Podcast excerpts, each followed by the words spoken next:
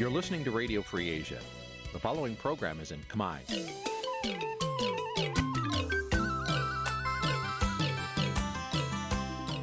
នេះជាកម្មវិធីផ្សាយ Vuthu Azizi Serai នេះជាកម្មវិធីផ្សាយរបស់ Vuthu Azizi Serai ជាភាសាខ្មែរ Vuthu Azizi Serai សូមស្វាគមន៍លោកអ្នកនាងទាំងអស់ពីរដ្ឋធានី Washington នៃសហរដ្ឋអាមេរិកពីរដ្ឋធានី Washington នាងខ្ញុំសកជីវីសូមជម្រាបសួរលោកអ្នកនាងអ្នកស្ដាប់ Vuthu Azizi Serai ទាំងអស់ជាទីមេត្រីយើងខ្ញុំសូមជូនកម្មវិធីផ្សាយសម្រាប់ព្រឹកថ្ងៃប្រហ័ស11កើតខែកដិកឆ្នាំថោះបัญចស័កពុរសករាជ2567ចាប់ដែលត្រូវនៅថ្ងៃទី23ខែវិច្ឆិកាគ្រិស្តសករាជ2023ជាដំបូងនេះសូមអញ្ជើញលោកអ្នកនាងស្ដាប់ព័ត៌មានប្រចាំថ្ងៃដែលមានមេត្តាដូចតទៅ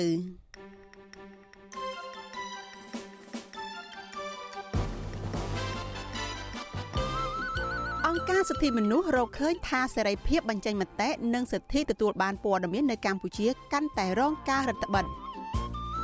កម្ពុជាអាចនឹងរអិលធ្លាក់ទៅក្នុងអន្ទាក់ភូមិសាស្ត្រនយោបាយចិនប្រសិនបើអ្នកដឹកនាំមិនឆ្លៀសវៃសកម្មជនមិនជឿការបកស្រាយរបស់រដ្ឋមន្ត្រីក្រសួងរាយនិងធម្មពលដែលថាការបូមខ្សាច់នៅកោះកុងជាការស្នើសុំរបស់ពលរដ្ឋ យុវជននិងសង្គមស៊ីវិលថាប្រទីបដែលត្រៀមបណ្ដែតនៅក្នុងពិធីបុណ្យអុំទូកមិនគួរភ្ជាប់ជាមួយនឹងការឃោសនាស្រាបៀរឡើយរួមនឹងព័ត៌មានសំខាន់សំខាន់មួយចំនួនទៀតចាជាបន្តទៅទៀតនេះនាងខ្ញុំសុជីវីសូមជូនព័ត៌មានទីនេះពិស្ដាចាលោកអ្នកនាងជាទីមេត្រីរបាយការណ៍ស្ដីពីស្ថានភាពនៃសេរីភាពបញ្ចេញមតិសេរីភាពសារព័ត៌មាននិងសិទ្ធិទទួលបានព័ត៌មាននៅកម្ពុជា ដែលមជ្ឈមណ្ឌលសិទ្ធិមនុស្សកម្ពុជាហៅកាត់ថា CCHR ចេញផ្សាយកាលពីថ្ងៃទី22ខែវិច្ឆិកាម្សិលមិញបង្ហាញថាសេរីភាពបញ្ចេញមតិនិងសិទ្ធិទទួលបានព័ត៌មានបានរងការរឹតបន្តឹងកាន់តែខ្លាំងឡើងខ្លាំងឡើងចាប់តាំងពីមុនពេលបោះឆ្នោតជាតិកាលពីខែកក្កដាកន្លងទៅនេះដោយបានចងក្រងពីព្រឹត្តិការណ៍គម្រាមកំហែងស្ថាប័នសារព័ត៌មានអ្នកសារព័ត៌មានព្រមទាំងធ្វើករណីសិក្សាជាច្រើនករណីជាមួយនឹងក្រុមសកម្មជនសិទ្ធិមនុស្សផងនោះ របាយការណ៍កម្រាស់60ទំព័ររបស់ CCHR បង្ហាញថាយ៉ាងហោចណាស់សកម្មជនសិទ្ធិមនុស្សប្រមាណ100នាក់និងអ្នកសារព័ត៌មានចំនួន16នាក់បានរងការបំផិតបំភ័យដោយសារតែរដ្ឋាភិបាលប្រើប្រាស់យន្តការតុលាការគម្រាមកំហែងអ្នកដែលហ៊ានបញ្ចេញមតិរិះគន់រដ្ឋាភិបាលជាមួយគ្នានេះរបាយការណ៍បានសង្កត់ធ្ងន់ថាការដកហូតអាជ្ញាប័ណ្ណសារព័ត៌មានចំនួន5 និងការរាំងខ្ទប់គេហទំព័រសារព័ត៌មានឯករាជ្យនៅមុនការបោះឆ្នោតថ្នាក់ជាតិគឺជាការអនុវត្តផ្ទុយទៅនឹងសេចក្តីប្រកាសជាសកលស្តីពីសិទ្ធិមនុស្សអ្នកសម្របសម្រួលគម្រោងគាំពៀប្រព័ន្ធផ្សព្វផ្សាយឯករាជ្យនិងសេរីភាពមូលដ្ឋាននៅកម្ពុជានៃមជ្ឈមណ្ឌលសិទ្ធិមនុស្សកម្ពុជាលោកហ៊ុនផនប្រាប់វិទ្យុអាស៊ីសេរីថាគោលបំណងនៅក្នុងការផ្សព្វផ្សាយរបាយការណ៍សេរីភាពបញ្ចេញមតិនិងសិទ្ធិទទួលបានព័ត៌មាននេះគឺដើម្បីស្នើរដ្ឋាភិបាល បញ្ឈប់ជាបន្ទាន់នៅការគម្រាមកំហែងទៅលើសិទ្ធិសេរីភាពទាំងអស់នេះលោកបន្តថា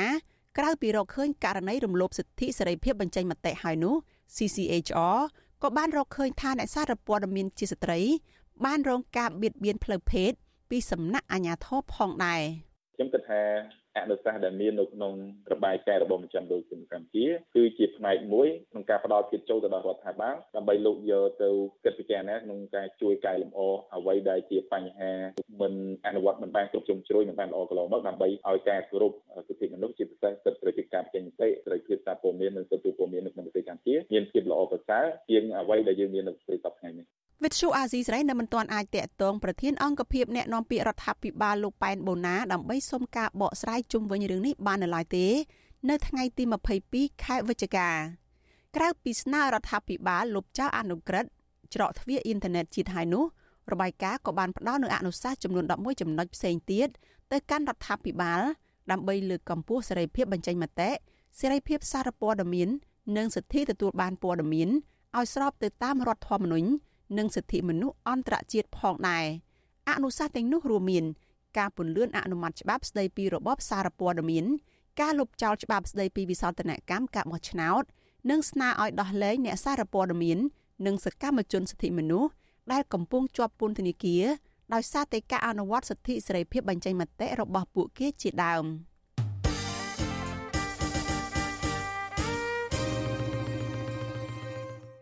ចាលោកនាងជាទីមេត្រីចាព័ត៌មានតកតនឹងការត្រៀមសម្រាប់ការបោះឆ្នោតនៅក្នុងឆ្នាំ2024ចាគណៈបកកណ្ដាលអំណាចនិងគណៈបកប្រឆាំងបានដាក់ភ្នាក់ងារសង្កេតការរបស់ខ្លួនក្នុងការបោះឆ្នោតអសកលនៅក្នុងឆ្នាំ2024ខាងមុខអ្នកខ្លាំមើលការបោះឆ្នោតលើកឡើងថាបើទោះបីជាការបោះឆ្នោតនៅក្នុងឆ្នាំ2024ជាការបោះឆ្នោតអសកលក្តីតែភ្នាក់ងារសង្កេតការមានតួនាទីសំខាន់ក្នុងការឃ្លាំមើលការបោះឆ្នោតនេះចាលោកទីនសការីយ៉ា រាយការណ៍អំពីរឿងនេះអនុប្រធាននឹងជាអ្នកនាំពាក្យគណៈបកកម្លាំងជាតិលោកជាមនីឲ្យវិទ្យុអសិរ័យដឹងនៅថ្ងៃទី22វិច្ឆិកាថាគណៈបករបស់លោកបានសម្រេចដាក់ភ្នាក់ងារសង្កេតការបោះឆ្នោតឆ្នាំ2024ខាងមុខនេះរួចហើយ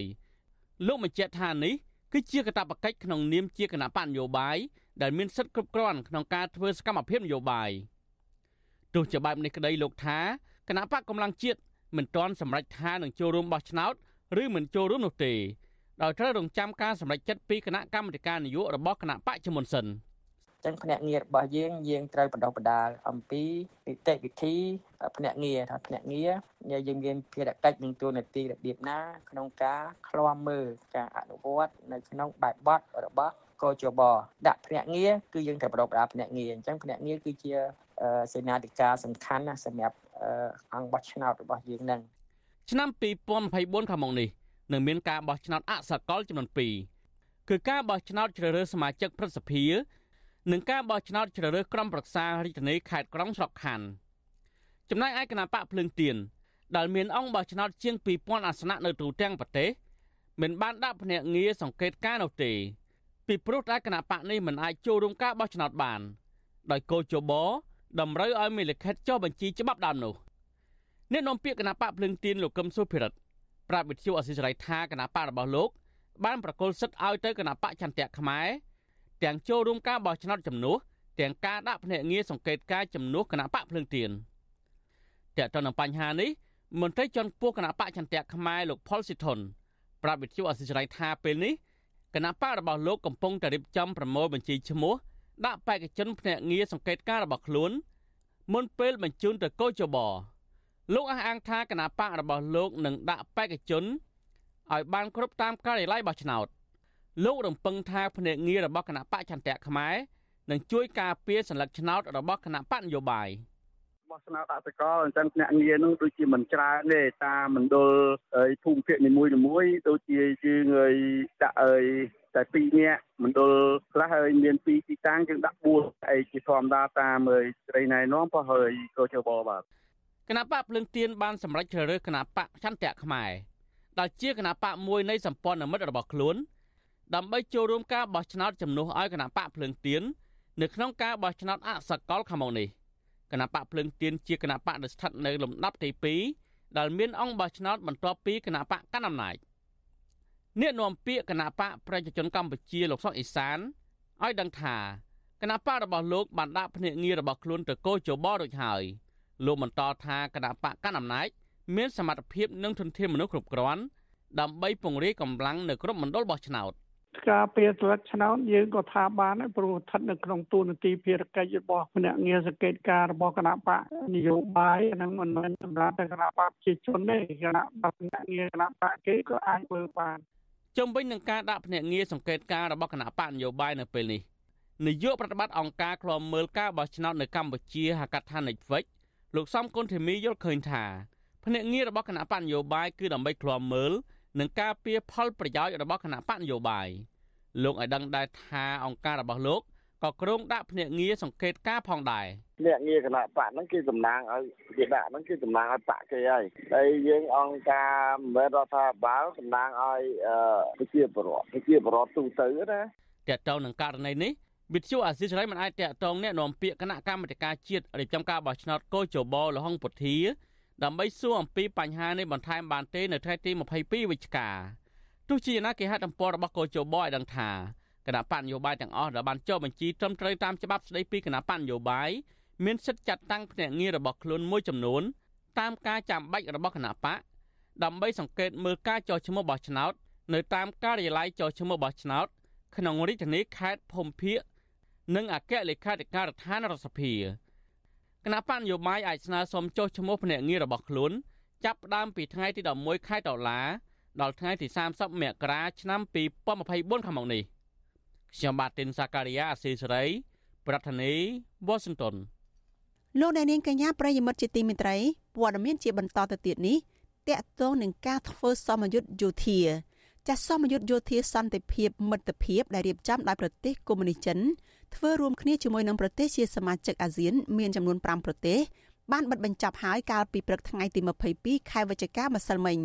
ភាគីកម្ពុជានិងចិនអះអាងថាការធ្វើសមយុទ្ធនេះកងទ័ពកម្ពុជានឹងទទួលបានសមត្ថភាពមួយកម្រិតទៀតហើយកម្ពុជាក៏រំពឹងដែរថា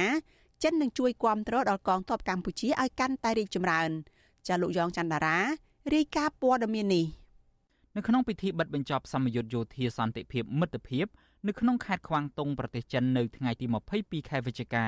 អគ្គមេបញ្ជាការនៃកងយុទ្ធពលខេមរៈភូមិន្ទលោកវងពិសេនចាត់ទុកការធ្វើសមយុទ្ធយោធាពហុភាគីនៅក្នុងតំបន់ដែលរៀបចំឡើងដោយប្រទេសចិននេះថាជានិមិត្តរូបនៃកិច្ចសហប្រតិបត្តិការដ៏រឹងមាំនៃកងទ័ព6ប្រទេសរួមមានចិន កម្ពុជាវៀតណាមឡាវ ម៉ាឡេស៊ីនិងប្រទេសថៃនៅក្នុងការពង្រឹងសមត្ថភាពដល់គ្នាទៅវិញទៅមក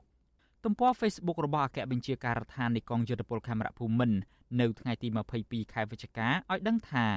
សម្ពយុទ្ធយោធាសន្តិភាពមិត្តភាពផ្ដល់សារៈសំខាន់ដល់កងទ័ពនៃប្រទេសដែលបានចូលរួមដើម្បីឆ្លើយតបនឹងដោះស្រាយបញ្ហាប្រឈមនានាឲ្យមានប្រសិទ្ធភាពនៅក្នុងកម្រិតថ្នាក់ជាតិនិងអន្តរជាតិអគ្គមេបញ្ជាការកងយុទ្ធពលខេមរៈភូមិន្ទលោកវងពិសេនរំពឹងថា សម្ពយុទ្ធយោធាពហុភាគី សន្តិភាពមិត្តភាពនៅលើក្រោយនឹងមានប្រទេសសមាជិកអាស៊ាននិងប្រទេសក្នុងតំបន់ចូលរួមកាន់តែច្រើនដើម្បីការពារស្ថិរភាពនៅក្នុងតំបន់ប្រទេសចិនកុម្មុយនីសបានរៀបចំសម្ពយុទ្ធយោធាសន្តិភាពមិត្តភាពលើកដំបូងនៅក្នុងឆ្នាំ2014សម្ពយុទ្ធយោធារយៈពេល9ថ្ងៃនៅឆ្នាំនេះផ្ដោតទៅលើការវឹកវើសមត្ថភាពកងទ័ពនៃប្រទេសចូលរួមនៅក្នុងការប្រឆាំងភេរវកម្មការការពារដែនលំហសមុទ្រការប្រឆាំងយន្តហោះគ្មានមនុស្សបើក និងបណ្ដុះបណ្ដាលសមត្ថភាពកងទ័ពលើការឆ្លប់យកការជាដើមនៅមុនការបិទបញ្ចប់ការធ្វើសម្ពយុទ្ធយោធាអគ្គបញ្ជាការកងយុទ្ធពលខេមរៈភូមិន្ទលោកវងពិសេនបានចាត់ទុកប្រទេសចិនថាជាមិត្តដៃថែបដែលចូលរួមចំណែកពង្រឹងឯករាជ្យកម្ពុជាតាមរយៈការឧបត្ថម្ភគាំទ្រដល់កងយុទ្ធពលខេមរៈភូមិន្ទលោកបញ្ជាក់ថានឹងបន្តធ្វើកិច្ចការនិងកិច្ចសហប្រតិបត្តិការផ្នែកយោធាជាមួយចិនដើម្បីផ្លាស់ប្តូរព័ត៌មានចារកិច្ចនៅក្នុងទិសដៅប្រយុទ្ធប្រឆាំងនឹងក្រុមជលនិយម ទប់ស្កាត់បដិវត្តពណ៌និងការទប់ស្កាត់អ ுக ្រិតកម្មផ្សេងផ្សេងជាមួយគ្នានេះប្រធានសេនាធិការចម្រុះគណៈកម្មាធិការយោធាមជ្ឈិមនៃប្រទេសចិនកុម្មុយនីសរំពឹងថាកងទ័ពកម្ពុជាចិននឹងបន្តជឿជាក់គ្នា ដើម្បីធ្វើការងារជាមួយគ្នាកាន់តែជិតស្និទ្ធនៅក្នុងនាមជាមិត្តដៃថែបនិងដើម្បីកសាងវាសនារួមកម្ពុជាចិនតកតងទៅនឹងរឿងនេះអ្នកជំនាញផ្នែកវិទ្យាសាស្ត្រនយោបាយនិងកិច្ចការអន្តរជាតិលោកអែមសវណ្ណរាមានប្រសាសន៍ថា ការធ្វើសម្ពយុទ្ធរវាងកងទ័ពកម្ពុជានិងចិននៅក្នុងក្របខ័ណ្ឌបែបណាក៏ដោយគឺជាកិច្ចការល្អមួយនៅក្នុងការចូលរួមចំណែកពង្រឹងសមត្ថភាពកងទ័ពក៏ប៉ុន្តែលោកថាការដែលកម្ពុជាបន្តកិច្ចសហប្រតិបត្តិការជាមួយចិនតែម្ខាងនឹងកាន់តែស៊ីជម្រៅនោះវានឹងជះផលប៉ះពាល់អវិជ្ជមានសម្រាប់រដ្ឋាភិបាល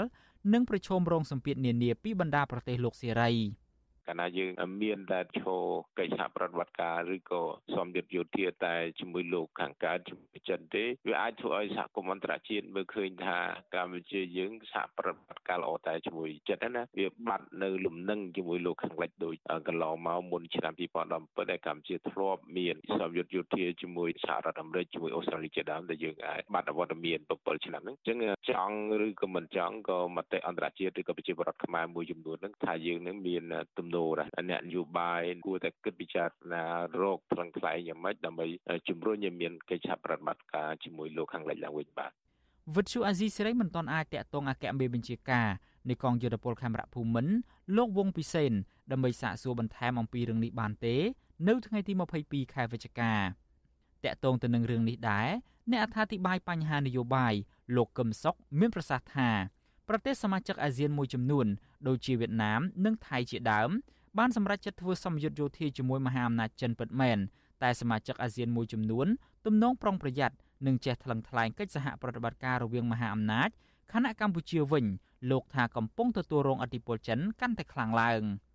ក្នុងរយៈពេល7ឆ្នាំចុងក្រោយនេះកម្ពុជាក្រោមការដឹកនាំដោយគណៈបកប្រជាជនកម្ពុជាថែមទាំងលុបចោលការធ្វើសម្ពយុទ្ធយោធាជាមួយអាមេរិកនិងអូស្ត្រាលី កាលពីឆ្នាំ2017ទៀតផង។ក៏ប៉ុន្តែកម្ពុជាបែរជាប្តេជ្ញាផ្ដួលទៅលើចិនតែម្ខាងឲ្យជួយគ្រប់គ្រងផ្នែកយោធាដល់កម្ពុជាក្រុមអ្នកខ្លំមើលព្រួយបារម្ភថាការដែលកម្ពុជាពឹងអាស្រ័យចិនកាន់តែខ្លាំងនៅក្នុងការបង្កើនកិច្ចសហប្រតិបត្តិការជាមួយចិនស្ទើរគ្រប់វិស័យនោះកម្ពុជានឹងងាយប្រឈមបាត់បង់អធិបតេយ្យដោយសារតែចិននឹងប្រើប្រាស់កម្ពុជា គឺជាឈ្នន់នៅក្នុងការពង្រីកអធិបុលយោធារបស់ខ្លួន នៅក្នុងតំបន់ ខ្ញុំយ៉ងច័ន្ទដារាវិទ្យុអាស៊ីសេរី Washington លោកអ្នកនាងកំពុងស្ដាប់វិទ្យុអាស៊ីសេរីផ្សាយចេញពីរដ្ឋធានី Washington សហរដ្ឋអាមេរិកប្រទេសចិនកំពុងសម្លឹងឃើញកម្ពុជា និងប្រទេសឡាវថាជាតំបន់យុទ្ធសាស្ត្រដ៏សំខាន់មួយរបស់ខ្លួន នៅក្នុងភូមិសាស្ត្រនយោបាយដែលអាចការពារនិងទប់ទល់ឥទ្ធិពលរបស់វៀតណាម និងសហរដ្ឋអាមេរិកប្រសិនបើកើតមានចំនួនរឿងដែនសមុទ្រភាគខាងត្បូងកើតឡើង តើកម្ពុជាដែលកំពុងតែងប់ងល់នឹងប្រាក់កម្ចីជំនួយព្រមទាំងមិត្តភាពដៃថែបជាមួយចិននោះធ្វើយ៉ាងណាដើម្បីគេចចេញពីអន្ទាក់នៃភូមិសាស្ត្រនយោបាយចិនបានចាសសូមអញ្ជើញលោកអ្នកនាងរងចាំស្ដាប់សេចក្តីរាយការណ៍ពិស្ដារអំពីរឿងនេះនៅក្នុងការផ្សាយរបស់យើងនៅពេលបន្តិចទៀតនេះ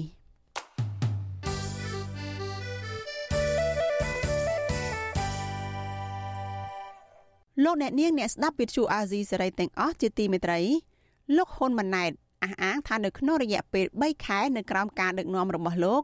បានបន្សល់ទុកស្នាដៃជាច្រើនជំរុញឲ្យសេដ្ឋកិច្ចជាតិមានការរីកចម្រើនទៅមុខប៉ុន្តែមន្ត្រីអង្គការសង្គមស៊ីវិលចាត់ទុកការលើកឡើងរបស់លោកហ៊ុនម៉ាណែតនេះថាគ្រាន់តែជាសារនយោបាយប្រជាពិធដ្ឋរបស់ពលរដ្ឋដើម្បីកេងចំណេញនយោបាយតែប៉ុណ្ណោះមេដឹកនាំរដ្ឋាភិបាលក្រុងភ្នំពេញលោកហ៊ុនម៉ាណែតអួតអាងនៅចំពោះមុខមន្ត្រីការទូតមន្ត្រីរាជការនិងប្រជាពលរដ្ឋរាប់ពាន់នាក់ ក្នុងពិធីសម្ពោធដាក់ឲ្យប្រើប្រាស់ជាផ្លូវការផ្លូវជាតិលេខ5នៅខេត្តកំពង់ឆ្នាំងនៅព្រឹកថ្ងៃទី22ខែវិច្ឆិកាថារដ្ឋាភិបាលក្រោមការដឹកនាំរបស់លោក បានធ្វើការងារជាច្រើន ជួយឲ្យសេដ្ឋកិច្ចជាតិរីកចម្រើន លោកបញ្ជាក់ថា ការងារលេចធ្លោមានដូចជាគម្រោងកម្ចីដើម្បីអភិវឌ្ឍការតាក់ទាញវិនិយោគពីក្រៅស្រុកតាមរយៈក្រុមហ៊ុនផ្សេងផ្សេងការចរចាជាមួយបណ្ដាប្រទេសមួយចំនួនបើកច្រក ដើម្បីទាញយកទេសចរចូលមកទស្សនាកម្ពុជាជាដើមបន្ថែមពីនេះលោកថារដ្ឋាភិបាលក៏បានលើកស្ទួយការវិនិយោគនៅក្នុងស្រុកដើម្បីឲ្យប្រើប្រាស់ធនធានវិស័យឯកជនចូលរួមអភិវឌ្ឍប្រទេសផងដែរ។ សតើរដ្ឋាភិបាលមិនបានគេងទេមិនបានគេងអេសពោះអត់ធ្វើអីទេដើរតែខ្ចីលុយគេឬទេ3ខែទេគឺបានធ្វើគោលនយោបាយចេញគោលការណ៍ច្រើនសម្ពោធសមិទ្ធផលច្រើននិងដាក់គោលនយោបាយដើម្បីបន្តទៀតច្រើនគ្រប់វិស័យទាំងអស់ហើយថ្ងៃនេះគឺពាក់ព័ន្ធនឹងតារចនាសម្ព័ន្ធដើម្បីបង្កើនសរសៃឈាមនាំឈាមឲ្យប្រជាពលរដ្ឋនៅតាមបណ្ដាខេត្តជាច្រើនផ្សេងទៀតជាពិសេសអ្នកកំពង់ឆ្នាំងរួមទាំងអ្នកកំពង់ឆ្នាំងនៅទីនេះតែម្ដងទោះជាយ៉ាងណាមន្ត្រីសង្គមស៊ីវិលនិងប្រជាពលរដ្ឋប្រតិកម្មនឹងការលើកឡើងរបស់លោកហ៊ុនម៉ាណែតនេះ ថាគ្រាន់តែជាសារនយោបាយប្រជាពិធដ្ឋបោកប្រាស់ពលរដ្ឋតែប៉ុណ្ណោះពលរដ្ឋម្នាក់រស់នៅខេត្តបន្ទាយមានជ័យលោកស្រីពិនឆយប្រាប់វិទ្យុអាស៊ីសេរីនៅថ្ងៃទី22ខែវិច្ឆិកាថា ក្នុងអំឡុងពេល3ខែក្រោមការដឹកនាំរបស់លោកហ៊ុនម៉ាណែតនេះមិនបានធ្វើឲ្យជីវភាពគ្រួសារប្រសើរឡើងនោះទេ ផ្ទុយទៅវិញជីវភាពកាន់តែក្រីក្រ ដោយសារអត់ការងារធ្វើ និងលក់ដូរមិនដាច់លោកស្រីបញ្ជាក់ថា ពលរដ្ឋរស់នៅខេត្តជាមួយលោកស្រីកាន់តែច្រើនឡើងធ្វើចំណាក់ស្រុកទៅក្រៅប្រទេសដើម្បីរកប្រាក់ដោះស្រាយសងបំណុលធនាគារ ថាតែមកពីម៉ាត់ដូចដែលគាត់និយាយហ្នឹងណាបើលក់អីមិនដាច់រកការងារធ្វើមិនបានសូម្បីធ្វើការសំណងគ្រូគេបោកណាខ្មែរគ្នាឯងរាល់ថ្ងៃហ្នឹងមួយក្មួយធ្វើការមិនបានលុយមួយរៀនណាម្នាក់ម្នាក់មួយលានពីរលានគេបោកទាំងអស់អាថៃគេបោកខ្មែរគេបោកតែកន្លែងណាគេបោកមានដាច់បាយទាំងគ្រប់គ្នាអាប្រហែលខែមុនបាត់រោងចក្រក្លឹបធ្វើថ្ងៃសុកសាទឹកគ្រូរាសៅគេផ្អាកហើយអូក៏គ្មានហើយគ្នាធ្លាក់ការងារមានអីរត់ចង់អស់ហើយរោងចក្រសាតិចឥឡូវប្រាក់ខែវាគ្រប់ពងរត់ថៃផងផងសង្គមខ្ញុំកូនគេអស់ហើយ ជាមួយគ្នានេះប្រធានផ្នែកប្រយុទ្ធប្រឆាំងការជួញដូរមនុស្សនិងទេសន្តប្រវេសនៃអង្គការសង្ត្រាល់និងជាអ្នកតាមដានស្ថានភាពសង្គមលោកឌីថេហូយ៉ាមើលឃើញថាសេដ្ឋកិច្ចកម្ពុជានៅក្នុងរយៈពេល3ខែចុងក្រោយនេះហាក់មិនមានអ្វីរីកចម្រើនទៅមុខនោះទេខណៈដែលពលរដ្ឋជំពាក់បំណុលធនាគារនិងចំណាក់ស្រុកកាន់តែច្រើនដោយសារអត់ការងារធ្វើនៅក្នុងស្រុកលោកចាត់ទុកការលើកឡើងរបស់លោកហ៊ុនម៉ាណែតនេះគ្រាន់តែជាវោហារសាស្ត្រនយោបាយ ដើម្បីតាក់ទាញប្រជាប្រិយភាពពីមហាជនតែប៉ុណ្ណោះ គឺថាគាត់ជាការស្អំនៅអារម្មណ៍របស់ប្រជាពលរដ្ឋដែលជឿចាប់អំពីអត់មានប្រាក់ចំណូលចំណាក់ស្រុកស្រុកគេពាក់បំណុលអីអីជាដើមអញ្ចឹងទៅហើយវាអាចបានក្រុមមួយចំនួនដែលជឿគេអញ្ចឹងទៅក៏បានពិចារណារឿងខុសត្រូវគិតថាតាមហ្នឹងហ្នឹងប៉ុន្តែជាក់ស្ដែងពីបញ្ហាសេដ្ឋកិច្ចជាពិសេសយើងមើលនៅប្រទេសកម្ពុជាហងៃអធិបរណានៃតម្លៃទីផ្សារវាថ្លៃណាដូចជាប្រេងកាតដូចជាស្អីស្អីស្អស់ហ្នឹងហើយចំណូលរបស់គាត់វាកើនអត់បើថាចំណាយវាធំហើយចំណូលវាតិចអាហ្នឹងមានន័យថាវាមិនអាចវាស់វែងថារីកចម្រើនឬប្រសើរជាងមុនបានទេមួយរយៈពេលចុងក្រោយនេះពលរដ្ឋមួយចំនួនបានធ្វើយុទ្ធនាការបង្ហោះសារនៅលើបណ្ដាញសង្គម Facebook ដោយលើកឡើងថាពួកគាត់អស់លទ្ធភាពសងបំណុលធនាគារហើយពួកគាត់ក៏ទទូចរដ្ឋាភិបាល ជួយអន្តរាគមន៍ទៅគ្រឹះស្ថានធនាគារនិងមីក្រូហិរញ្ញវត្ថុដើម្បីពន្យាពេលសងប្រាក់ត្រឡប់រយៈពេល1ឆ្នាំ ចំណែកអតិថិជនទិញផ្ទះនិងបរិយកាន់តែច្រើនឡើងបានផ្ទុះការតវ៉ាទាមទាររដ្ឋាភិបាលជួយអន្តរាគមន៍ទៅម្ចាស់បរិយកុំឲ្យរឹបអូសផ្ទះរបស់ពួកគាត់ដោយសារតែពួកគាត់អស់លទ្ធភាពរកប្រាក់បង់រំលោះបន្តទៀតរីឯកម្មកររោងចក្រខ្លះក៏បានកាត់បន្ថយការហូបចុកប្រចាំថ្ងៃដោយសារប្រាក់ចំណូលថយចុះព្រោះគ្មានការងារធ្វើទៀងទាត់ខណៈរោងចក្រខ្លះបានខ្សែធន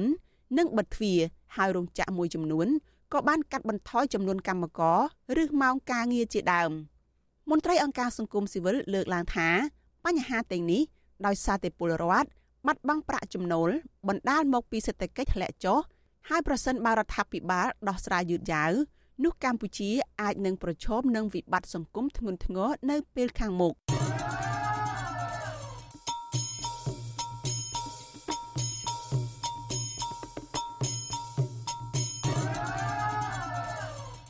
លោកអ្នកនាងជាទីមេត្រីចាសកម្មជននិងអ្នកនេសាទមិនជឿថាអ្នកនេសាទបានស្នើសុំឲ្យក្រុមហ៊ុន ជួយបូមខ្សាច់នៅដងព្រែកនៅក្នុងតំបន់កោះស្រឡៅនៃខេត្តកោះកុងនោះទេនិងចង់ឲ្យមានការស្រាវជ្រាវច្បាស់លាស់ជំវិញករណីនេះការលើកឡើងនេះគឺបន្ទាប់ពីរដ្ឋមន្ត្រីក្រសួងរ៉ែនិងធម្មពល បានសម្រេចបញ្ឈប់ការបូមខ្សាច់នៅតំបន់កោះស្រឡៅដោយសារតែមានប្រតិកម្មតវ៉ាពីសកម្មជនបរិស្ថាននិងប្រជានេសាទចាលោកមានរិទ្ធ មានសេចក្តីរាយការណ៍អំពីរឿងនេះមូលហេតុដែលសកម្មជនបរិស្ថានមិនជឿជាក់ថាប្រជានេសាទជាអ្នកផ្តិតស្នាមមេដៃស្នើសុំឲ្យក្រុមហ៊ុន ជួយបូមខ្សាច់ស្ដារព្រែកនោះគឺដោយសារតែកន្លងមកប្រជានេសាទតែងប្រឆាំងដាច់អហង្ការចំពោះសកម្មភាពបូមខ្សាច់ព្រោះវាធ្វើឲ្យប៉ះពាល់ដល់ឆ្នាំងបាយរបស់ពួកគាត់ សកម្មជនបរិស្ថានលោកសាន់ម៉ាឡាប្រាវិសុវស៊ីស្រីកាលពីថ្ងៃទី22ខែវិច្ឆិកាថាតាមពិតទៅពលរដ្ឋរស់នៅតាមដងព្រែកនៅក្នុងខេត្តកោះកុងយល់ដឹងពីភូមិសាស្ត្រច្បាស់លាស់ថាតើតំបន់ណាទឹករាក់និងទឹកជ្រៅដែលពួកគាត់អាចបើកទូកនេសាទបានឬមិនបាន ដូច្នេះហើយលោកថាគ្មានហេតុផលណាមួយ ដែលប្រជាពលរដ្ឋចង់ឲ្យមានការបូមខ្សាច់ដែលធ្វើឲ្យប៉ះពាល់ដល់មុខរបរចិញ្ចឹមជីវិតប្រចាំថ្ងៃរបស់ពួកគាត់នោះទេហើយប្រជាពលរដ្ឋដែលស្នើសុំនោះតើជាបងប្អូនកូនក្មួយរបស់អឺអាជ្ញាធរមូលដ្ឋានរបស់ក្រុមហ៊ុនឬក៏ប្រជាពលរដ្ឋទាំងអស់នោះគាត់ផ្តិតមេដៃដោយมันមានការយល់ដឹងដោយមានការផ្ដល់ជាអំណោយផ្សេងផ្សេងឬក៏យ៉ាងណាអញ្ចឹង វាជារឿងមួយដែលយើងត្រូវតែមើលទាំងអស់គ្នាបាទពីព្រោះសម្រាប់ខ្ញុំខ្ញុំអត់ជឿទេខ្ញុំធ្លាប់ធ្វើការជាមួយនឹងប្រជាជននៅមូលដ្ឋាន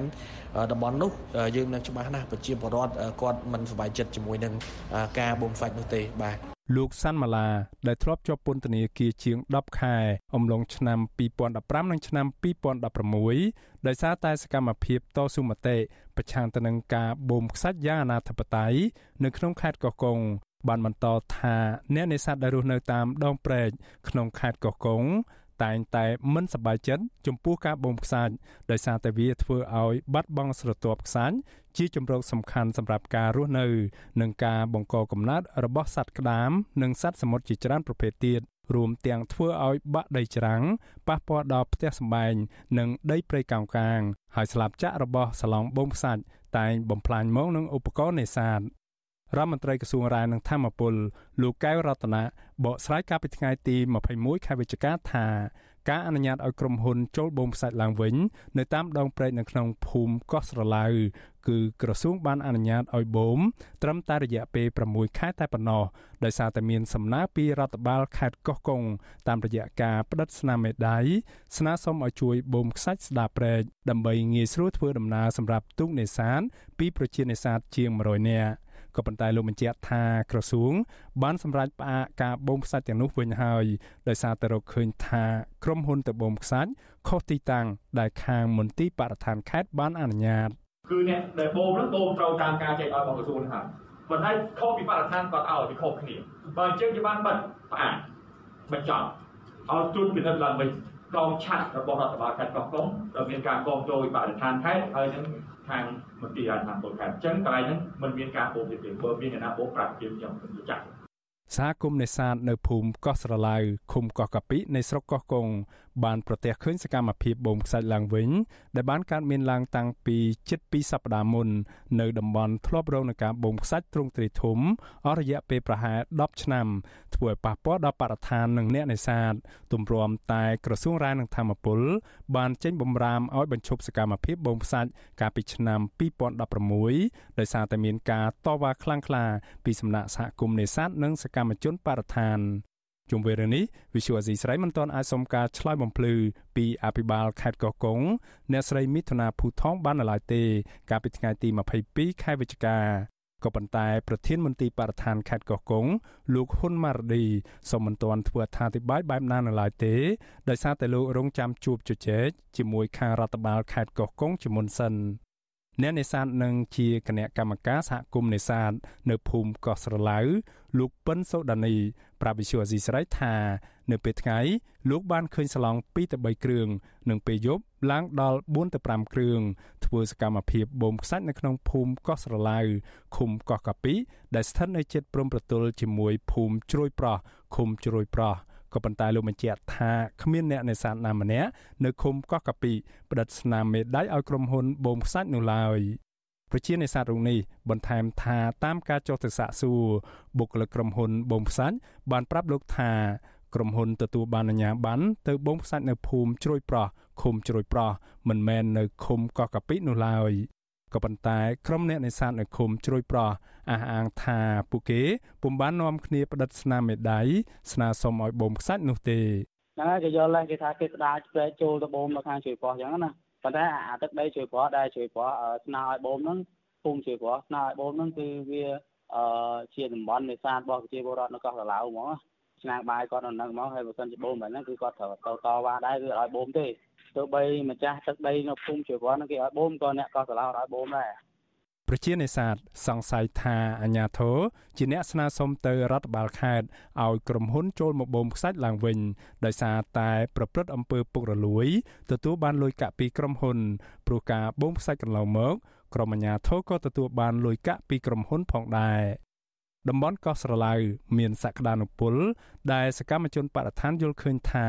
អាចរៀបចំទៅជាតំបន់អេកូទេសចរធម្មជាតិដែលអាចផ្ដល់ផលប្រយោជន៍ដល់ប្រទេសជាតិនិងពលរដ្ឋជាជាងការអនុញ្ញាតឲ្យក្រុមហ៊ុនចូលទៅបូមខ្សាច់ដែលធ្វើឲ្យប៉ះពាល់បរិស្ថាន ជីវភាពពលរដ្ឋនិងធនធានធម្មជាតិជុំវិញការបូមខ្សាច់នៅកោះស្រឡៅនេះដែរកាលពីឆ្នាំ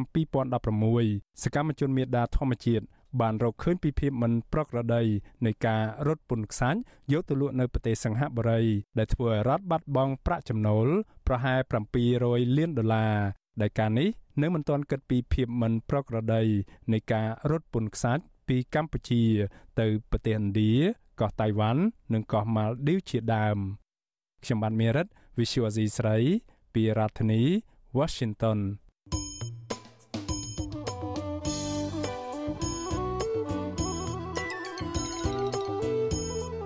លោកអ្នកនាងជាទីមេត្រីដំណើរគ្នានឹងស្ដាប់ការផ្សាយផ្ទាល់របស់វិទ្យុអាស៊ីសេរីតាមរយៈបណ្ដាញសង្គម Facebook YouTube និង Telegram ចាលោកអ្នកនាងក៏អាចស្ដាប់ការផ្សាយរបស់វិទ្យុអាស៊ីសេរីតាមរយៈវិទ្យុរលកធាតុអាកាសខ្លី Post SW តាមកម្រិតនិងកម្ពស់ដូចតទៅនេះពេលព្រឹកចាប់ពីម៉ោង5កន្លះដល់ម៉ោង6កន្លះតាមរយៈ Post SW 93.90 MHz ស្មើនឹងកម្ពស់ 32m និង Post SW 11.85 MHz ស្មើនឹងកម្ពស់ 25m ពេលយប់ចាប់ពីម៉ោង7កន្លះដល់ម៉ោង8កន្លះតាមរយៈ post SW 93.30 MHz ស្មើនឹងកម្ពស់ 32m និង post SW 11.88 MHz ស្មើនឹងកម្ពស់ 25m និង post SW 15.15 MHz ស្មើនឹងកម្ពស់ 20m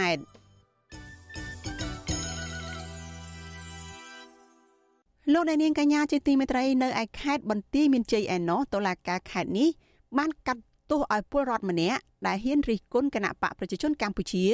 ពាក់ព័ន្ធនឹងរឿងអសកម្មនៅក្នុងការទប់ស្កាត់បញ្ហាគ្រឿងញៀននិងបញ្ហាលំហូរពលរដ្ឋវៀតណាមមករស់នៅកម្ពុជាដោយខុសច្បាប់ឲ្យជាប់ពន្ធនាគារ3ឆ្នាំមន្ត្រីសង្គមស៊ីវិលថាតុលាការគួរតែពិចារណាឡើងវិញចំពោះការសម្រេចលើសំណុំរឿងមួយនេះប្រកបដោយយុត្តិធម៌ចាលោកយ៉ងច័ន្ទដារា មានសេចក្តីរាយការណ៍មួយទៀតអំពីរឿងនេះជូនលោកអ្នកនាងដូចតទៅពលរដ្ឋម្នាក់ដែលតែងតែរិះគន់មិនសំចៃមាត់លើបណ្ដាញសង្គម Facebook ជុំវិញភាពអសកម្មរបស់គណៈបកកណ្ដាលអំណាចពាក់ព័ន្ធទៅនឹងបញ្ហាដីធ្លីអំពើពុករលួយ គ្រឿងញៀននិងការហូរចូលនៃពលរដ្ឋវៀតណាមខុសច្បាប់រស់នៅកម្ពុជា គឺលោកកងសារ៉នចាត់ទុកការសម្រេចរបស់តុលាការមកលើរូបលោកឲ្យជាប់ពន្ធនាគាររយៈពេល3ឆ្នាំនេះថាជារឿងអយុត្តិធម៌ លោកកងសរនប្រាប់វិទ្យុអាស៊ីសេរីនៅថ្ងៃទី22វិច្ឆិកាថាតុលាការខេត្តបន្ទាយមានជ័យបានផ្ដន្ទាទោសលោកឲ្យជាប់ពន្ធនាគាររយៈពេល3ឆ្នាំក្រោមបទចោទជេរប្រមាថតាមទីសាធារណៈបទបរិហាកេរនឹងញុះញង់និងបទប្រមាថអង្គព្រះមហាក្សត្រលោកអះអាងថាការសម្រេចរបស់តុលាការឲ្យលោកជាប់ពន្ធនាគារ3ឆ្នាំនេះគឺជារឿងមិនត្រឹមត្រូវពីព្រោះកន្លងទៅលោកគ្រាន់តែប្រើប្រាស់សិទ្ធិសេរីភាពបញ្ចេញមតិដើម្បីស្ថាបនាតែប៉ុណ្ណោះ ស្នើសុំឲ្យខាងរាជរដ្ឋាភិបាលឬប្រមុខថ្នាក់ដឹកនាំឡើងឲ្យសូមឲ្យគោរពសិទ្ធិសេរីភាពរបស់ពលរដ្ឋឲ្យបានពេញលេញផងក្នុងការរស់នៅក្នុងការដើរហើរបាទមិនមែនឲ្យព្រេកសព្រេកអាឡូអញ្ចឹងទេនិយាយស្ដីអីមិនបានផងអង្គអីអង្គចាប់កោចោតប្រកាន់ចោតនេះចោតនោះបាទអានេះខ្ញុំមិនមានតែប៉ុននិន្នាការនយោបាយបាក់ណាផងកាលពីថ្ងៃទី2ខែកក្កដាកន្លងទៅ អំឡុងពេលឃោសនារកសម្លេងឆ្នោតលោកកងសារ៉នបានផ្សាយផ្ទាល់លើបណ្ដាញសង្គម Facebook ដោយនិយាយរិះគន់ការដឹកនាំប្រទេសរបស់គណៈបកប្រជាជនកម្ពុជា នៅក្នុងវីដេអូផ្សាយផ្ទាល់នោះលោកបានចោទជាសំណួរថាតើក្រោយពីគណៈបកប្រជាជននេះឈ្នះឆ្នោតនឹងមានវិធានការដេញបរដ្ឋវៀតណាមចេញឬបន្តឲ្យហូរចូលដោយខុសច្បាប់បន្តទៀតហើយនៅក្នុងនោះលោកក៏បានរិះគន់អំពីបញ្ហាគ្រឿងញៀនអំពើពុករលួយ និងបញ្ហាអសន្តិសុខមួយចំនួនទៀតផងដែរនៅក្នុងថ្ងៃដដែលនោះក្រោយវីដេអូនេះបានផ្សព្វផ្សាយជាសាធារណៈអស់រយៈពេល1ម៉ោងលើបណ្ដាញសង្គម លោកត្រូវបានសមត្ថកិច្ចខេត្តបន្ទាយមានជ័យចាប់ខ្លួនយកទៅឃុំអស់រយៈពេល10ថ្ងៃដោយចោទប្រកាន់ពីបទជេរប្រមាថជាសាធារណៈនិងញុះញង់ក្រោយមកនៅថ្ងៃទី11ខែកក្កដាលោកក៏ត្រូវបានដោះលែងនៅក្រៅឃុំវិញបណ្ដោះអាសន្នក៏ប៉ុន្តែនៅព្រឹកថ្ងៃទី22វិច្ឆិកាតុលាការបានសម្រេចឲ្យលោកជាប់ពន្ធនាគារ3ឆ្នាំហើយចេញដីកាឲ្យចាប់ខ្លួនវិញក៏ប៉ុន្តែមកដល់ពេលនេះសមត្ថកិច្ចមិនទាន់ចាប់ខ្លួនលោកនៅឡើយទេ វិទ្យុអាស៊ីសេរីមិនទាន់អាចតាក់ទងแนะនាំពាក្យសាលាដំបងខេត្តបន្ទាយមានជ័យលោករឿនលីណាដើម្បីសុំការបំភ្លឺបន្ថែមជុំវិញបញ្ហានេះបានទេនៅថ្ងៃទី22វិច្ឆិកាអ្នកសម្របសម្រួលអង្គការលីកាដូប្រចាំខេត្តបន្ទាយមានជ័យលោកផុនឈិនលើកឡើងថាលោកកងសារ៉នអាចនឹងត្រូវបានចាប់ខ្លួនឡើងវិញក្រោយពីតុលាការសម្រេចឲ្យលោកជាប់ពន្ធនាគារ3ឆ្នាំក៏ប៉ុន្តែលោកថាតុលាការគួរតែពិចារណាឲ្យបានច្បាស់លាស់មុនសម្រេចលើសំណុំរឿងមួយនេះ។ង់ថា ា ខាងសមត្ថកិច្ចតុលាការគាត់យល់ឃើញថាការងារនឹងវាគឺជាការជេរប្រមាថឬក៏វាតកតងជាមួយនឹងការញុះញង់ឲ្យប្រព្រឹត្តល្មើសហើយហ្នឹងអាហ្នឹងក៏ខ្ញុំក៏មិនដឹងថាម៉េចដែរព្រោះវាគាត់បានព្យាយាមធ្វើការការពីខ្លួនគាត់នៅតាមនីតិតុលាការហ្នឹងប្រាប់បញ្ជាក់ពីគោលចំហពីគោលបំណងរបស់គាត់ថាគ្មានបំណងអញ្ចឹងទាំងអស់ហើយបាទបើទោះបីជាតុលាការខេត្តបន្ទាយមានជ័យបានសម្រេចផ្តន្ទាទោសដាក់ពន្ធនាគារ3ឆ្នាំនិងចេញដីកាឲ្យចាប់ខ្លួនយ៉ាងណាក្តីក៏លោកកងសារ៉នអះអាងថា លោកនឹងមិនចាក់ចេញទៅណាឡើយហើយលោកព្រមឲ្យសមត្ថកិច្ចមកចាប់ខ្លួននៅផ្ទះពីព្រោះលោកមើលឃើញថាការផ្ដន់ទោសរូបលោកនេះគឺជាទង្វើអាក្រក់លើអ្នកស្នេហាជាតិហើយដែលបង្ហាញថាអាញាធមមិនខ្វាយខ្វល់ពីបញ្ហាសង្គមខ្ញុំយ៉ងច័ន្ទដារាវិទ្យុអាស៊ីសេរី Washington លោកអ្នកនាងកញ្ញាជាទីមេត្រីចាព័ត៌មានតកតងនឹងសោកនាដកម្មនៅលើស្ពានកោះពេជ្រកាលពី13ឆ្នាំមុនវិញម្ដងចាសាច់ញាតិជនរងគ្រោះដែលស្លាប់នៅលើស្ពានកោះពេជ្រ ស្នើឲ្យអាជ្ញាធររាជធានីភ្នំពេញបន្តធ្វើពិធីបុណ្យបាំងស្កូលឧទ្ទិសកុសលដល់វិញ្ញាណក្ខន្ធជនរងគ្រោះដែលបានស្លាប់ឲ្យបានរៀងរាល់ឆ្នាំ ហើយអាជ្ញាធរគួរតែបន្តរោគអ្នកដែលទទួលខុសត្រូវចំពោះឧបទ្ទវហេតុកាលពី13ឆ្នាំមុននេះចាមន្ត្រីសង្គមស៊ីវិលថារដ្ឋាភិបាលគួរតែធ្វើតាមការស្នើសុំរបស់គ្រួសារជនរងគ្រោះចាលោកសីបណ្ឌិត មានសេចក្តីរាយការណ៍មួយទៀតអំពីរឿងនេះសាច់ញាតិជនរងគ្រោះដែលស្លាប់នៅស្ពានកោះពេជ្រ ថាក្នុងរយៈពេល13ឆ្នាំកន្លងមកនេះក្រុមគ្រួសារជនរងគ្រោះនៅតែមិនទាន់ទទួលយកបាននៅការស្លាប់ដែលមិនមានមូលហេតុជាក់លាក់និងមិនមានអ្នកទទួលខុសត្រូវពលរដ្ឋមកពីខណ្ឌចោមចៅ លោកចែមមុនថា គឺជាឪពុកជនរងគ្រោះយុវជនយ៉ងសុកចម្រើន ដែលមកអុជធូបនៅស្ទូបគោរពវិញ្ញាណក្ខន្ធនៅគល់ស្ពានកោះពេជ្រនៅថ្ងៃទី22ខែវិច្ឆិកាថ្លែងប្រាប់បទសុអាស៊ីសេរីថា លោកធ្វើដំណើរមកទីនេះជារៀងរាល់ឆ្នាំដើម្បីអុជធូបរំលឹកដល់វិញ្ញាណក្ខន្ធកូនប្រុសរបស់លោក លោកចែមុនថា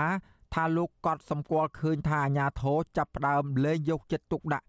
ឬខកខានធ្វើពិធីគោរពវិញ្ញាណក្ខន្ធដល់ជនរងគ្រោះក្នុងរយៈពេលប្រមាណឆ្នាំកន្លងទៅនេះខណៈមានក្រុមគ្រួសារមួយចំនួនប៉ុណ្ណោះបន្តមកធ្វើបុណ្យតាមបែបគ្រួសារលោកចែមុនថាឲ្យដឹងទៀតថាអស់រយៈពេល13ឆ្នាំមកនេះ លោកនៅតែនឹកដល់កូនស្ទើររៀងរាល់ថ្ងៃហើយលោកនៅតែមានចម្ងល់ពីមូលហេតុដែលនាំឲ្យមានឧបទ្ទវហេតុនេះកើតឡើងលោកចែមុនថាថាអាញាធរនៅតែពុំទាន់ផ្ដល់ការស៊ើបអង្កេតណាមួយ ពីមូលហេតុនៅឡើយទេទើបលោកបង្ខំចិត្តទុកការស្លាប់របស់កូន ជារឿងសំពីបុណ្យរបស់កូនលោកទៅវិញដឹងថាមិនទេកូននេះសូម្បីតែគាត់អ្នកធំធំហ្នឹងក៏គាត់មិនដឹងថាវា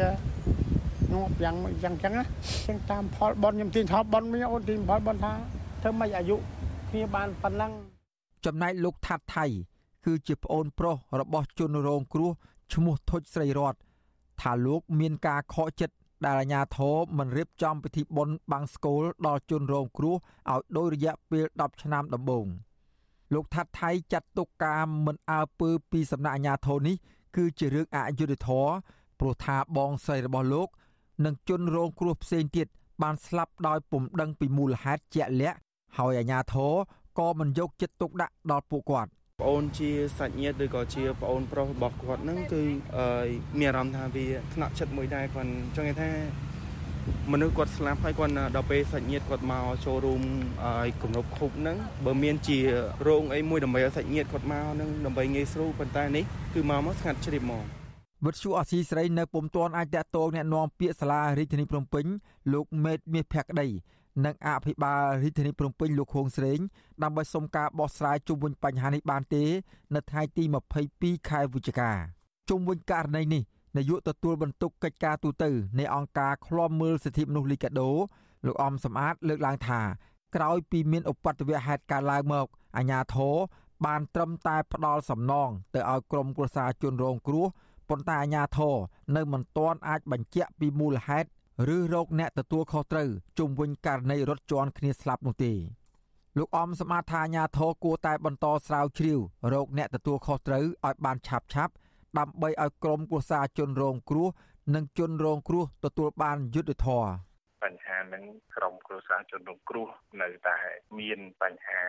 វិបត្តិផ្លូវចិត្តធ្ងន់ធ្ងរទាក់ទងនឹងក្រុមគ្រួសាររបស់គាត់ដែលទទួលមរណភាពឬក៏របួសនៅក្នុងផ្លូវចិត្ត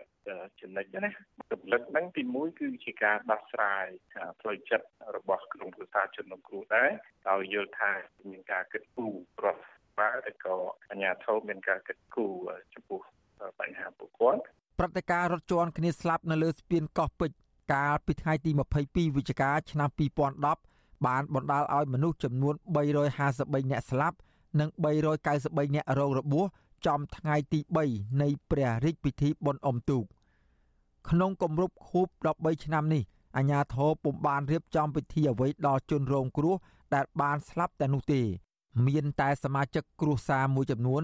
បានមកអុជធូប និងដាក់កម្រងផ្កានៅស្ទូបដែលសាលារាជធានីភ្នំពេញបានសាងសង់ដើម្បីរំលឹកវិញ្ញាណក្ខន្ធដល់ជនរងគ្រោះប៉ុណ្ណោះខ្ញុំបាទសេកបណ្ឌិតវុទ្ធុអាស៊ីសេរីពីរដ្ឋធានីវ៉ាស៊ីនតោន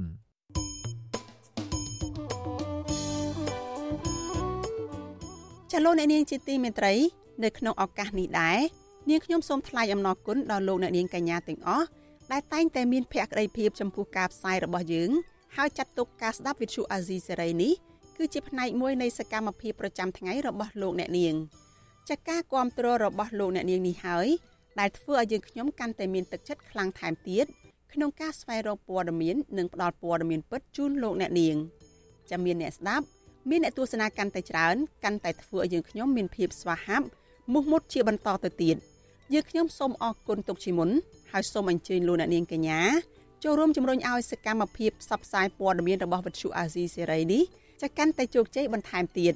ចាលោកអ្នកនាងអាចជួយយើងខ្ញុំបានដោយគ្រាន់តែចុចចែករំលែកការផ្សាយរបស់វិទ្យុអាស៊ីសេរីចានៅលើបណ្ដាញសង្គម Facebook និង YouTube ទៅកាន់មិត្តភ័ក្តិរបស់លោកអ្នកនាងចាដើម្បីឲ្យការផ្សាយរបស់យើងនេះបានទៅដល់មនុស្សកាន់តែច្រើនចាសូមអរគុណ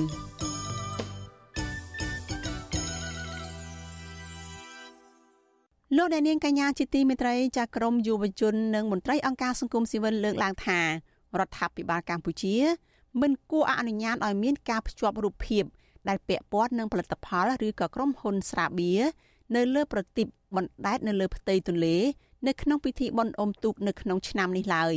ពួកគាត់ចាត់ទុកទង្វើទាំងនេះថាជាការជំរុញឲ្យមានការផ្សព្វផ្សាយស្រាបៀរទូលំទូលាយនាំឲ្យពលរដ្ឋទទួលទានគ្រឿងស្រវឹងកាន់តែច្រើន ជាពិសេសគឺប៉ះពាល់ទៅដល់តម្លៃបុណ្យប្រពៃណីជាតិចាលោកសេចបណ្ឌិត មានសេចក្តីរាយការណ៍មួយទៀតអំពីរឿងនេះព្រះរាជពិធីបុណ្យអុំទូកបណ្ដែតប្រទីបអអំបុកនិងសំពះប្រខែនៅឆ្នាំនេះហាក់មានលក្ខណៈខុសប្លែកជាងឆ្នាំមុនមុនដោយរដ្ឋាភិបាលកម្ពុជា បានបើកឲ្យក្រុមហ៊ុនឯកជន ធ្វើប្រតិបធំសម្បើមបណ្ដែតលើផ្ទៃទន្លេដោយក្នុងនោះ មានទាំងក្រុមហ៊ុនផលិតស្រាបៀរផងដែរនិស្សិតសិក្សាផ្នែកសង្គមវិទ្យា លោកកឹមជីលីនប្រាប់បទសុអសីសេរី នៅថ្ងៃទី22វិច្ឆិកាថារដ្ឋាភិបាលធ្វើបែបនេះប្រហែលក្នុងគោលបំណងប្រមូលថវិកាពីក្រុមហ៊ុនទាំងនោះយកមកប្រារព្ធពិធីបុណ្យអុំទូកតែយ៉ាងណាក៏ដោយ លោកបន្តថាការដាក់បង្ហាញស្លាកសញ្ញាស្រាបៀរទាំងនោះ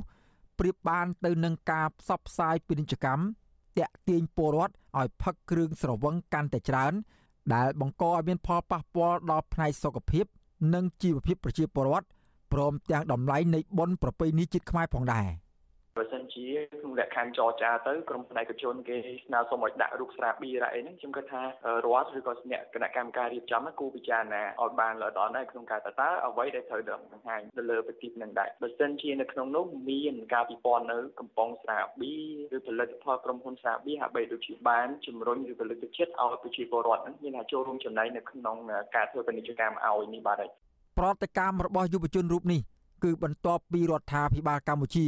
បានអនុញ្ញាតឲ្យក្រុមហ៊ុនឯកជនធ្វើប្រតិបធំធំ ចូលរួមបណ្ដែតជាមួយនឹងប្រតិបក្រសួងស្ថាប័នរបស់រដ្ឋក្នុងពិធីបុណ្យអុំទូកអអំបុកបណ្ដែតប្រតិបនិងសំពះប្រខែនៅឆ្នាំនេះក្នុងនោះគេឃើញមានបញ្ជីឈ្មោះក្រុមហ៊ុនឯកជន ចំនួន2ដែលចូលរួម គឺក្រុមហ៊ុនភេសជ្ជៈកូកាកូឡា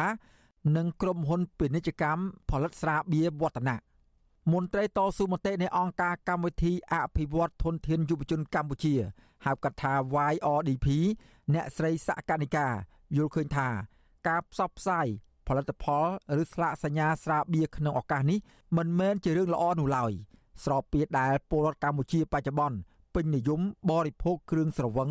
ហើយបង្កអំពើហិង្សាចលាចលនៅក្នុងសង្គមអ្នកស្រីស្នើសុំឲ្យរដ្ឋាភិបាលពិចារណាឡើងវិញលើចំណុចទាំងនេះ ដោយមិនត្រូវបង្កើនការផ្សព្វផ្សាយគ្រឿងស្រវឹងដាច់ខាតទោះក្នុងរូបភាពណាក៏ដោយ។ ស្របពេលដែលមិនបាច់មានកម្មវិធីបុណ្យផងក៏ទាំងប៉ាណូផ្សព្វផ្សាយស្រាបៀរនៅតាមដងផ្លូវនៃបរិជាណាចក្រកម្ពុជាយើងច្រើនជាងផ្ទាំងប៉ាណូផ្សព្វផ្សាយអំពីសារអប់រំច្រើនជាងទាំងប៉ាណូផ្សព្វផ្សាយអំពីរឿងសិទ្ធិកាតព្វកិច្ចករណីកិច្ចរបស់ប្រជាពលរដ្ឋខ្ញុំមើលឃើញថាការដែលផ្ដល់ឲ្យក្រុមហ៊ុនស្រាបៀរចូលរួមផ្សព្វផ្សាយនៅក្នុងកម្មវិធីបុណ្យប្រដៅប្រតិទពិធីបុណ្យរបស់យើងនឹងហ្មងវាហាក់បីដូចជាជំរុញបន្ថែមឲ្យប្រជាពលរដ្ឋកម្ពុជាយើងនឹងរួមគ្នានៅក្នុងការផឹកឲ្យបានកាន់តែច្រើនស្របពេលជាមួយនឹងពិធីបុណ្យមកទល់ពេលនេះប្រតិបរបស់ក្រុមហ៊ុនវឌ្ឍនៈបានបញ្ចប់ការដំឡើងជាស្ថាពរដោយរងចាំតែពេលបង្ហាញខ្លួនលើផ្ទៃទន្លេនៅខាងមុខព្រះបរមរាជវាំងក្នុងយប់នៃពិធីបុណ្យអុំទូកខាងមុខនេះបើទោះបីជាមានប្រតិកម្មពីមហាជននៅលើបណ្ដាញសង្គមប្រងព្រាតយ៉ាងណាក្តីនៅលើប្រតិបដែលសង់លើសាឡង់ដឹកសាច់ដ៏ធំសម្បើមនេះ បានរំលេចនៅរូបភាពពាណិជ្ជកម្មនិងស្លាកសញ្ញាផលិតផលរបស់ក្រុមហ៊ុន រួមមាន ផលិតផលស្រាបៀរគ្រុតស្រាបៀរវឌ្ឍនៈនិងស្រាបៀរ Dragon ព្រមទាំងពាក្យស្លោកអគុណសន្តិភាព នៅចំកណ្ដាលផងដែរក្រៅពីមានវត្តមាននៅលើប្រទីបហើយយីហោស្រាបៀវឌ្ឍនៈនិងក្រុមហ៊ុនស្រាបៀមួយចំនួនទៀតក៏បានដាក់តាំងស្លាកផ្សាយពាណិជ្ជកម្មនៅតាមសួនច្បារនិងមាត់ទន្លេផងដែរវិទ្យុអាស៊ីសេរីនៅពុំទាន់អាចតាក់ទងអគ្គនាយកដ្ឋានក្រុមហ៊ុនស្រាបៀគ្រុត លោកសំអាងវឌ្ឍនៈនិងអគ្គលេខាធិការគណៈកម្មាធិការជាតិរៀបចំបុណ្យជាតិអន្តរជាតិលោកឈិនកេតនាដើម្បីសុំការបកស្រាយជុំវិញរឿងនេះបានទេ នៅថ្ងៃទី22វិច្ឆិកាដោយទូរស័ព្ទហៅចូលតែគ្មានអ្នកទទួលព្រះរាជពិធីបុណ្យអុំទូកបណ្ដែតប្រទីបនិងអអំបុកសំពះប្រខែនឹងប្រារព្ធចាប់ពីថ្ងៃទី26ដល់ថ្ងៃទី28វិច្ឆិកាដែលមានប្រតិបចំនួន30បង្ហាញខ្លួននៅក្នុងព្រះរាជពិធី ជុំវិញរឿងនេះនាយកអង្គការពន្លកខ្មែរលោកប៉ាក់សុភ័ណ្ឌសង្កេតឃើញថា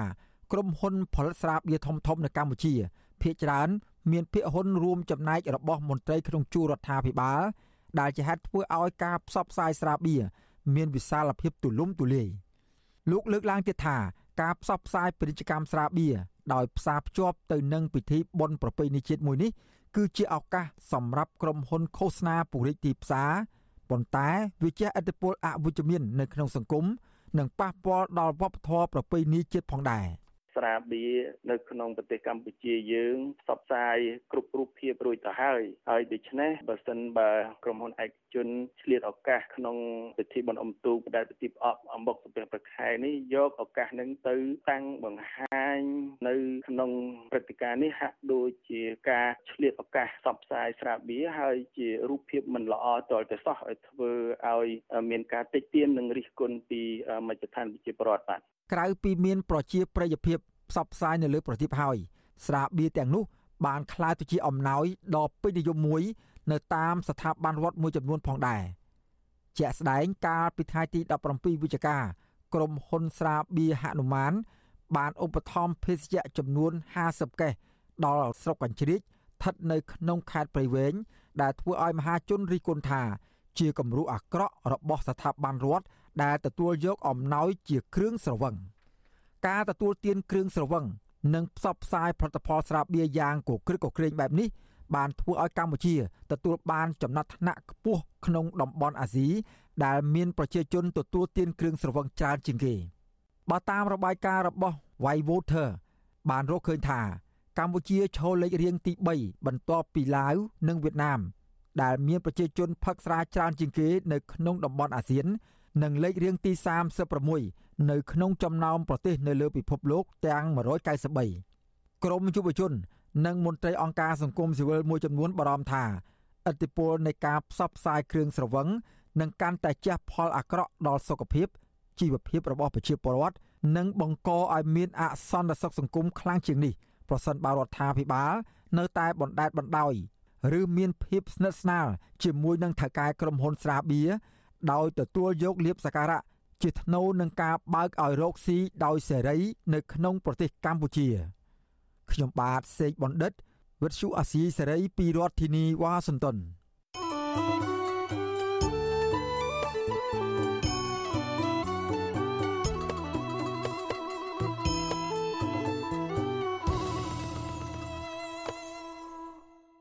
លោកអ្នកនាងកញ្ញាជាទីមេត្រីចាប់ប្រទេសចិនកំពុងសម្លឹងឃើញកម្ពុជានិងប្រទេសឡាវថាជាតំបន់យុទ្ធសាស្ត្រដ៏សំខាន់មួយរបស់ខ្លួន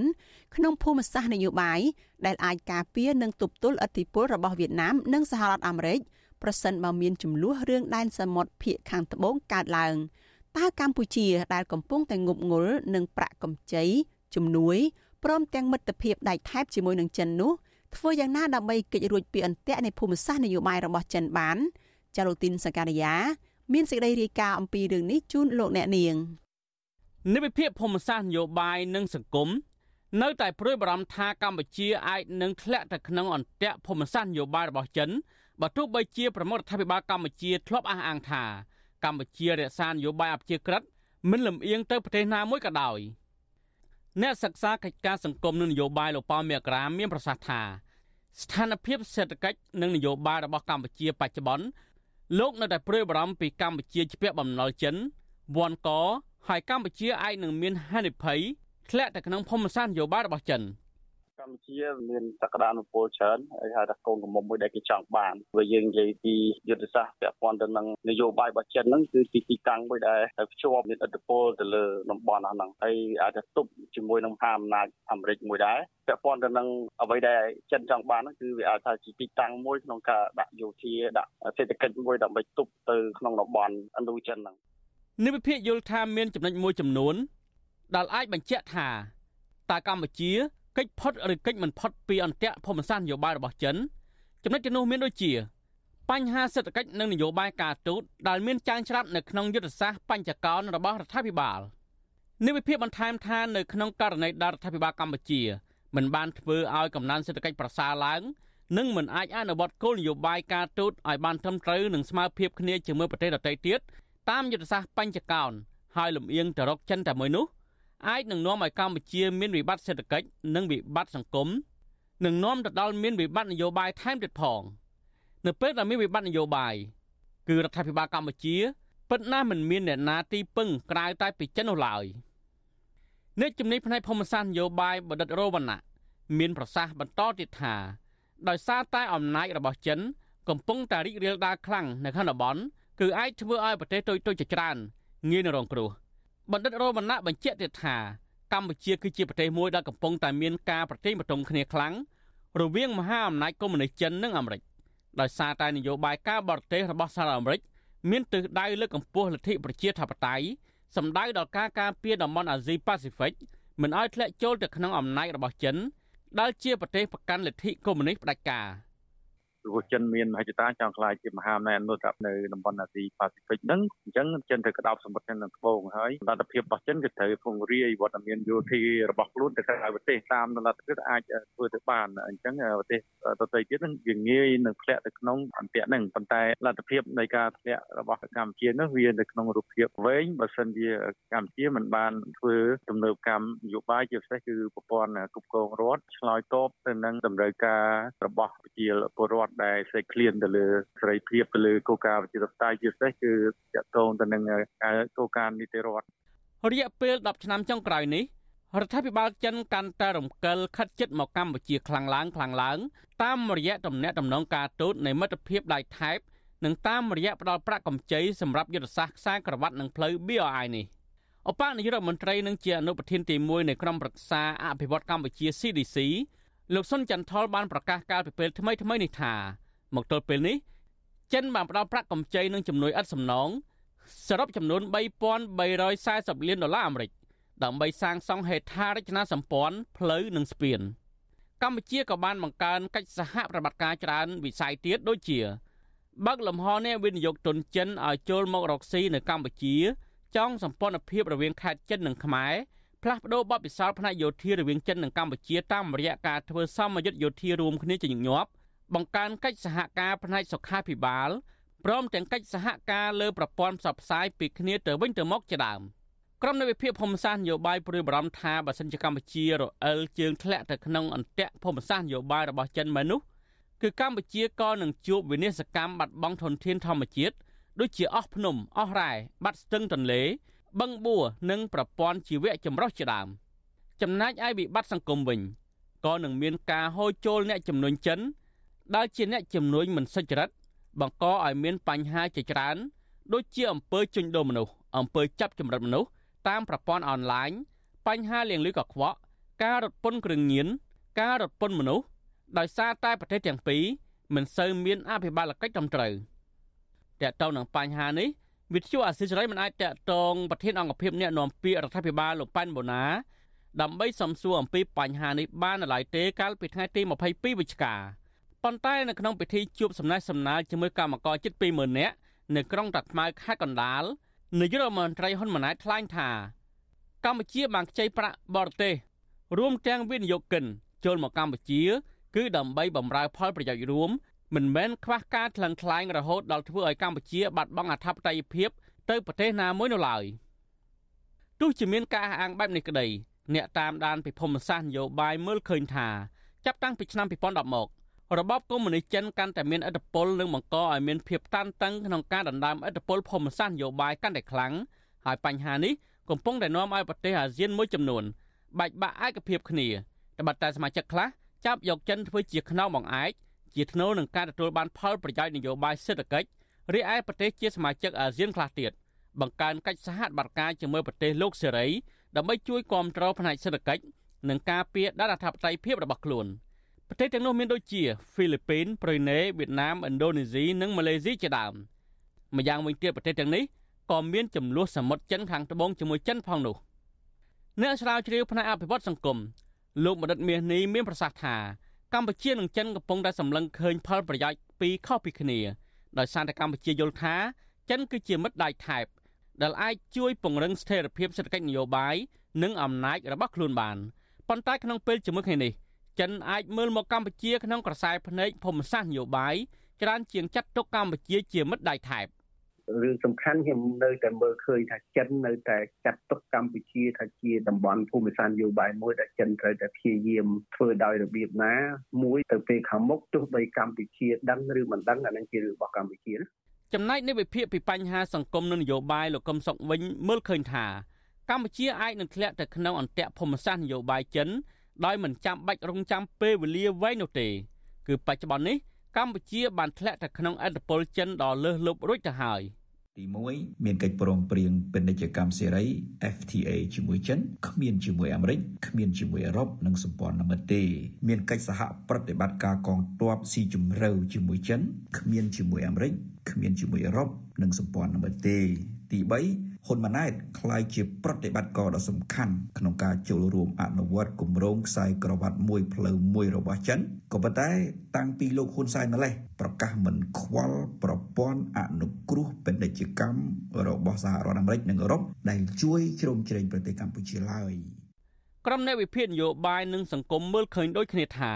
បើសិនជាស្ថានភាពសេដ្ឋកិច្ចកម្ពុជានៅតែខ្លាំងមានន័យថាការរអិលធ្លាក់ចូលទៅក្នុងភូមិសាស្ត្រនយោបាយរបស់ចិន គឺអាចមានការយឺតយ៉ាវក៏ប៉ុន្តែបើសិនជាសេដ្ឋកិច្ចកម្ពុជាធ្លាក់ចុះខ្លាំងវិញ ពេលនោះហើយដែលកម្ពុជាធ្លាក់ចូលទៅក្នុងអន្ទាក់ភូមិសាស្ត្រនយោបាយរបស់ចិនដោយកិច្ចមិនរួចក្រុមនៃវិភាគយល់ឃើញថាកម្ពុជាត្រូវតែពង្រឹងភាពវៃឆ្លាតរបស់ខ្លួនក្នុងនោះរួមមានត្រូវពង្រឹងសេដ្ឋកិច្ចផ្ទៃក្នុងរបស់ខ្លួនឲ្យអាចក្រៀកម្ចាស់ការឲ្យបានច្រើន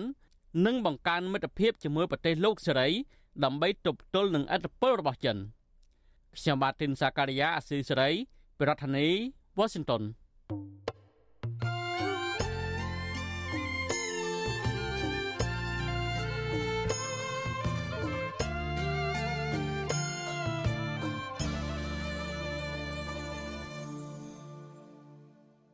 លោកអ្នកនាងកញ្ញាប្រិយមិត្តជាទីមេត្រីការផ្សាយរយៈពេល1ម៉ោងរបស់វិទ្យុអាស៊ីសេរីជាភាសាខ្មែរនៅព្រឹកនេះចាប់ត្រឹមតែប៉ុណ្ណេះ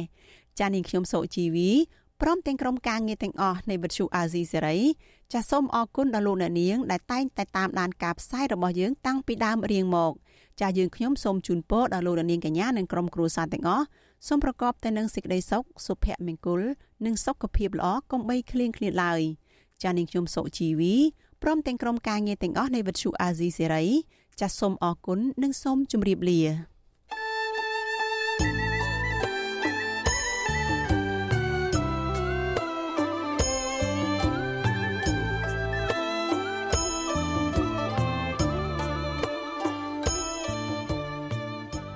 វិទ្យុអេស៊ីសរ៉ៃផ្សាយតាមរលក ធារកាសខ្លីតាមកម្រិតនិងកម្ពស់ដូចតទៅនេះពេលព្រឹកចាប់ពីម៉ោង5កន្លះដល់ម៉ោង6កន្លះតាមរយៈប៉ុស SW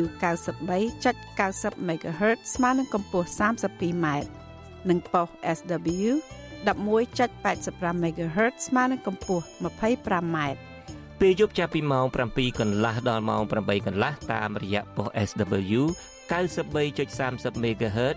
ស្មើនឹងកម្ពស់ 32m ប៉ុស SW 11.88 MHz ស្មើនឹងកម្ពស់ 25m និងប៉ុស SW 15.15 MHz ស្មើនឹងកម្ពស់ 20m